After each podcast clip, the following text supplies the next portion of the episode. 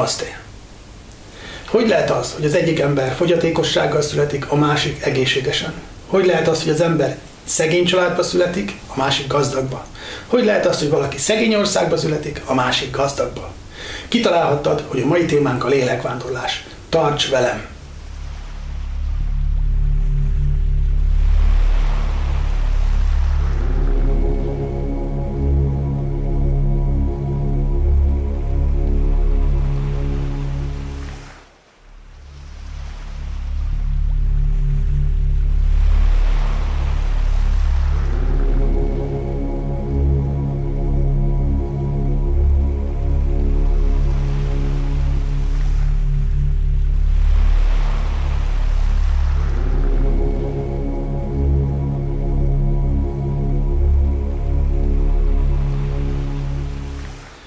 Lélekvándorlás öröktől fogva foglalkoztatja az emberiséget. Tudósokat, művészeket, egyszerű embereket. A magyar irodalom egyik remeke, Gárdonyi úgy fogalmazza meg, hogy a test csak ruha. Ha elszakad, újat osztanak a világmagazinból. Gyönyörű, nem? A test csak ruha. A ruhánkkal azonosulunk valamelyest, hiszen a, hogyha leesszük, akkor az szinte fáj az embernek, ugye most kedvenc ruhámat lehettem, vagy.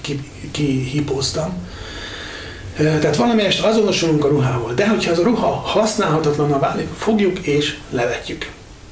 Hasonlóan a lélek elfoglalja ezt a testet. És ha a test egy napon használhatatlanná válik, akkor azt elhagyjuk. Hogy mi történik velünk a halálunk után, emberemlékezet óta foglalkoztatja a világot. Honnan jöttünk, hová megyünk. Erre ad választ a lélekvándorlást. De mielőtt mélyebben a lélek, lélekvándorlás témájába hatolnánk, eh, meg kell értenünk, hogy tulajdonképpen ki is az, aki vándorol. Ezzel kapcsolatban megosztanak a vélemények, eh, hiszen Indiában is többféle vallásfilozófia létezik.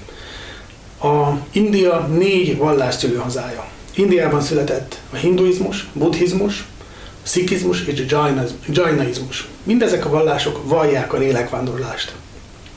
Valamelyest eltérnek egymástól, de abban egyetértenek filozófia, lélekvándorlást illető filozófiájukban, hogy a lélek nem akkor keletkezik, amikor a test, és nem szűnik meg akkor, amikor a test.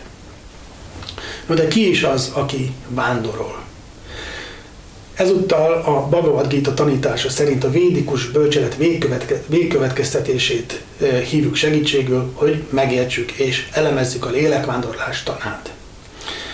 Mielőtt tovább megyünk, szeretnélek egy gyakorlatra meginvitálni, hogy megérthessük, hogy ki is az, aki vándorol. 30 másodperces gyakorlatról van szó, én magam is meg fogom csinálni, annyi az egész, hogy hunyd le a szemed, és próbálj összpontosítani arra, hogy ki vagy te. Próbálj azonosulni az önvalóddal, megkeresni önmagadban a valódi eszenciád, a valódi lényeget.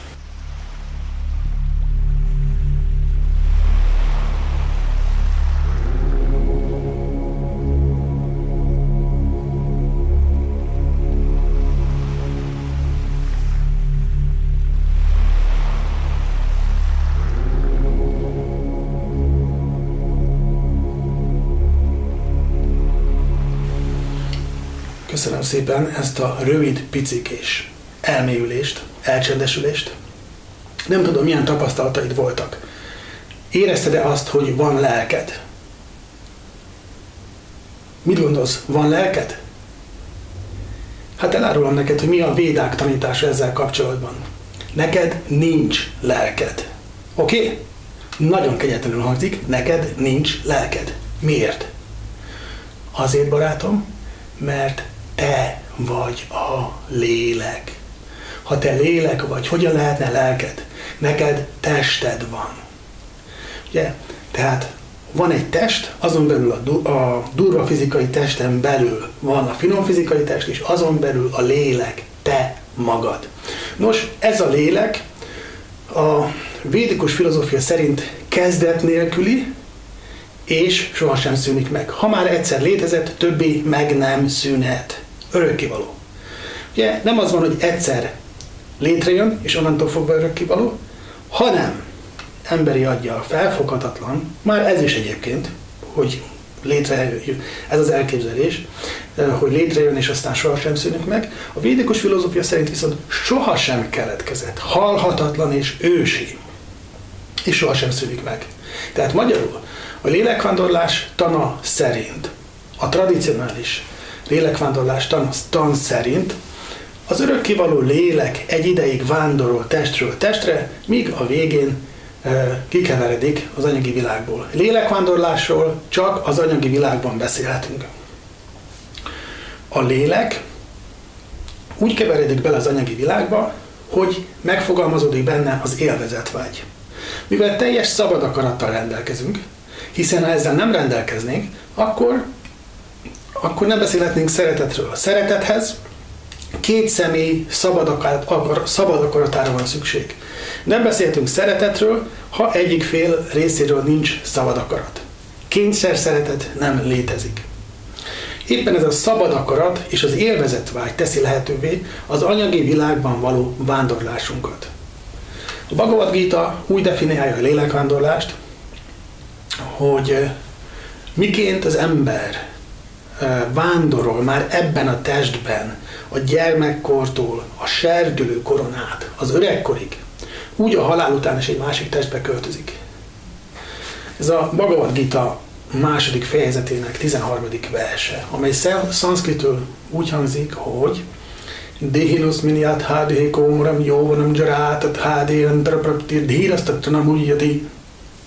Vagyis már ezen a testen belül is beszélünk egyfajta lélekvándorlásról, hiszen ha ma a tükörbe nézünk, akkor nem igazán ismerjük fel azt a szemét, aki 20 évvel ezelőtt vagy 10 évvel ezelőtt visszaköszönt a tükörképünkben, formájában. És remélhetőleg, ha majd 30 vagy 50 év múlva is tükörbe tudunk nézni, akkor minden bizonyal megint egy másik kép fog a tükörből visszatekinteni ránk. Tehát megállapíthatjuk, hogy a jelenlegi testünknek nem sok köze van a 10-20-30 évvel ezelőtti testünkhöz. És azt mondja Bhagavad Gita, hogy tulajdonképpen ezen a testen belül is van már egyfajta lélekvándorlás. És hozzáteszi, hogy az igazi bölcset nem téveszti meg az efféle változás. Hiszen az igazi bölcs tisztában van azzal, hogy a lélek változatlan, a lélek örökkévaló. A Bhagavad Gita egy másik verse pedig hozzáteszi, hogy ki milyen létre gondol teste elhagyásakor, azt éri majd el kétségtelenül. Ez a vers úgy hangzik, hogy Yamiam vápi svaran bávanti a jantanté kalé varam tantamevanti kanté szadátat báva bavita. Gyönyörű. Ez azt jelenti, hogy az ember halála pillanatában valamire gondol, és ez a gondolat határozza meg a következő születésünket. Vagyis a lélekvándorlást mi irányítja? A lélekvándorlást a vágyaink, azok szülik a gondolatainkat, és a tetteink irányítják. Na most gondolhatná valaki, hogy nagyon könnyű a dolog, hiszen akkor halálom pillanatában majd erre gondolok, hogy arra gondolok, egy aranyos kis cicára gondolok, és akkor kis cica leszek, vagy bármi hasonló. De nem trükközhetünk, hiszen a halál az egy nagyon misztikus és mély állapot. A halálunk pillanatában arra fogunk gondolni, ami az életünk egyvelege. Ami a legfontosabb volt egész életünkben, az, az fog, ugye tudjuk, hogy lepörög az életünk halálunk pillanatában magunk előtt, mint egy gyorsított film, szinte átéljük az egészet örömről, örömre, fájdalomról, fájdalomra, mindezt misztikus módon egy pillanat alatt, és ez az egész filmpörgés után van egy benyomás, van egy, van egy gondolat, egy érzés, és az fogja meghatározni a következő születésünket. Szó, szóba került a kis cica. Vajon megszülethetünk-e állatként a tradicionális lélekvándorlástan szerint? Igen. Állati formát is ölthetünk, a 8 millió 400 ezer létforma közül válogathatunk, ezek között vannak mozgó és mozdulatlan élőlények, vízi, levegőben élő lények, négylábúak, gerincesek, és természetesen az emberi születés, ami ennek a szamszárának a születés és halál körforgásának a csúcsán található. Egyedül az ember képes a helyes és helytelen között megkülönböztetést tenni. Éppen ezért az ember tetteit felelősség terheli. Az állathoz képest az ember tudatos, képes dönteni. Éppen ezért ez az emberi születés egy lehetőség, hogy kikeveredjünk a szamszárából, a születés és halál örökös körforgásából. Az emberi születés tulajdonképpen egy dobbantó deszka. A lélekvándorlás lehetővé teszi, hogy különféle szerepekbe bújjunk. Ha a színész egyszer eljátsza a király, máskor a koldó szerepét, teljesen tisztában van vele közben, hogy az nem az eredeti azonossága. Hogyan kerülhetünk ki a szamszára körforgásából? Úgy, hogy az ember ki akar kerülni. Ez csak rajtuk múlik, senki máson, hogy én ki szeretnék-e kerülni, vagy sem. Vannak-e még elképzeléseim itt az anyagi világban, vagy sem? Ugye a tudatosságra nevelés uh, gurui arra tanítják az embereket, hogy ó, gondolkodj hosszú távon. Hogyan szeretnéd látni magad, vagy a vállalkozásod, vagy a környezetedet 5 év múlva, vagy 10 év múlva, vagy netán 20 év múlva. De a lélekvándorlás ennél sokkal tovább megy. Milyennek szeretnéd magad látni a halálod után? Hova szeretnél kerülni a halálod után? Mi lesz veled a halálod után? És ez a mai világ tragédiája, hogy ezzel az emberiség nem foglalkozik egymás után szerzik az emberek a diplomáikat, és nem képesek elgondolkodni azon komolyan, de legalábbis megfejteni semmiképpen sem, hogy ki vagyok én, honnan jövök, hát mi volt velem a születésem előtt, és mi lesz velem a halálom után. A lélekvándorlás tana erre választ ad. A lélekvándorlás tana megtanítja az embert globálisan gondolkodni. Megérteti velünk, hogy a halál nem létezik. A halál az egy küszöb, két szoba között, két létforma között. De a halál pillanatában mi tovább élünk, tehát gyakorlatilag halál nem létezik. És a világ ezt súlykolja belénk, hogy mi lesz velünk. Ugye meghalunk, eh, ez tragédia. Mi lesz velünk öreg, öregkorunkban? Mi lesz velünk, hogyha nem lesz nyugdíjunk, mi lesz, ha nincs társadalombiztosításunk, és minden figyelmünket erre az életünkre összpontosít.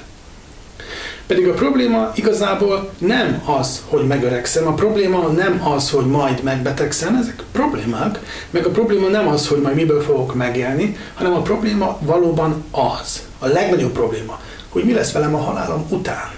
Tehát ha hosszú távon szeretnék gondolkodni, ha szeretnék hosszú távon tervezni, szeretném tudatosan irányítani az életem, nem pedig sodródni szeretnék a világgal, az áramlattal, akkor igenis hosszú távon kell terveznem. A halál utáni állapotban is gondolkodnom kell. A halálig nagyon kevés idő áll rendelkezésemre. Miért csak néhány évtizedre rendezkedek be? Rendezkedjek be az örökkivalóság távlatában. A reinkarnáció tanában nem az a poén, hogy mi voltam előző életemben. Terápiás célból el lehet kutakodni előző életekben, de hány és hány életünk volt már? És ezekben az életünkben hány és hány hatás ért bennünket? Sok hatás, örömhatás, amik kihatással vannak rám. Nem az a lélekvándorlás tanának a lényege, hogy kutakodjak az elő, előző életeimben, hanem az, hogy kikeveredjek belőle. Az a lényege, hogy ne szülessek meg újra, hogy halálom pillanatában képes legyek teljes elégedettségben és nyugalomban szembenézni a sorsommal és tovább lépni. Kérdezhetné valaki, hogy mi értelme a lélekvándorlásnak, ha nem emlékszünk előző életeinkre. Erre visszakérdezhetünk, hogy miért nem emlékszünk az első három évünkre? Erre a válasz az, hogy igenis emlékszünk, csak azok tudat alatt tárolódnak. Hasonlóan az előző életeink tapasztalatai is tudat alatt tárolódnak. Hiszen a halál beáltával a durva fizikai test itt marad, a finom fizikai test viszi magával a lelket, a dzsívát, az élőlényt. Finom fizikai test, az elme, az értelem és a hamis ego. Bele vannak kódolva a tapasztalatok. Hasonlóan, mint amikor az ember csecsemő vagy kisgyerek korában megégeti egyszer a kezét, lehet, hogy nem emlékszik konkrétan az eseményre, de azt megtanulta egyszer mindenkorra, hogy tűzbe nyúlni nem jó. Ezek a tapasztalatok az előző életeinkből igenis élnek bennünk. Igenis, amit megtanultunk, azt magunkkal hozzuk. Ugyancsak a Bhagavad Gita megnyugtat bennünket, hogy a lelki ösvényen nincs csökkenés vagy veszteség. Amit egyszer elértünk, többé meg nem szűnhet. Tehát azok a tapasztalások, különösen azok a spirituális tapasztalások, amiket megszereztünk előző életeink során, azok jelen életünkben ott vannak, támogatnak bennünket. Aki előző életeiben eh, spiritualitással foglalkozott, számára ezek a dolgok evidensek ebben az életében. Amikor életében először találkozik egy, mit tudom, egy jogi látványával, vagy egy ilyen-olyan imalánccal, akkor az ismerős lesz neki, nem lesz tőle idegen. Nem, fog, nem fogja úgy érezni, hogy ez valami, valami egészen más, valami egészen furcsa. Tehát mindenki ott folytatja, ahol a bajta. A reinkarnáció tana biztosítja az ember számára azt, hogy nincs igazságtalanság. Ha egyik ember megszületik testi fogyatékossággal, a másik pedig szuper testi képességekkel, szegény családba, gazdag családba, szegény országba, gazdag országba, ilyen-olyan képességekkel, erre egyetlen logikus magyarázat az, hogy az ember már, pontosabban a lélek, ezt hozta magával. És nem genetikailag hozta, mert akkor igazságtalan volna. Hiszen egészséges szülőknek néha születnek beteg gyerekei, és fordítva. Tehát nem lehet, hogy a szülők ö, miatt szenvedjen a, a gyermek. Ha, ha nem így volna, akkor a világ igazságtalan lenne. Márpedig azt látjuk, hogy a világ tökéletes. Azt látjuk, hogy minden pontosan történik. Periódikusságot látunk a világban. Nappal után jön az éjszaka, az éjszaka után jön a nappal. Tavasz, nyár, ősz, tél. Korszakok ismétlik egymást. Hasonlóan a lélek anyagi világbani utazását is ilyen periódikusság kíséri. Születés, halál. A megszületett számára biztos a halál, a hold számára biztos a születés. Ezért nem szabadna bánkódnod egy teremtményre sem. Tehát ahogyan a nappalból következik, hogy lesz éjszaka, az éjszakából következik, hogy lesz nappal, hasonlóan. Az életből következik a halál, a halálból következik az élet. Így vándorol a lélek minduntalan, mindaddig, amíg el nem dönti magába, hogy ki szeretne szabadulni az anyagi világ körforgásából. Csak rajtunk múlik, senki máson, hogy meddig maradunk, ehhez pedig szükségünk van a belső eltökéltségre, a belső meggyőződésre, hogy a tetteinkkel, életünkkel mind támogassuk azt a hosszú távú célt, hogy halálunk után nem szeretnénk újra születni, a következő életében nem szeretne az anyagi világba újabb testet ölteni, hanem a halál után eredeti őshazába visszakerülni. Ez hát a lélekvándorlás tanának lényege, az értelmes ember tehát hosszú távon tervez. A lélek vándorlása során egyszer férfi, máskor női testben, egyszer szegény, máskor gazdag testben. De a lélek vándorlástana szerint nem ez a valódi azonosságunk, hanem a lélek, a dzsíva.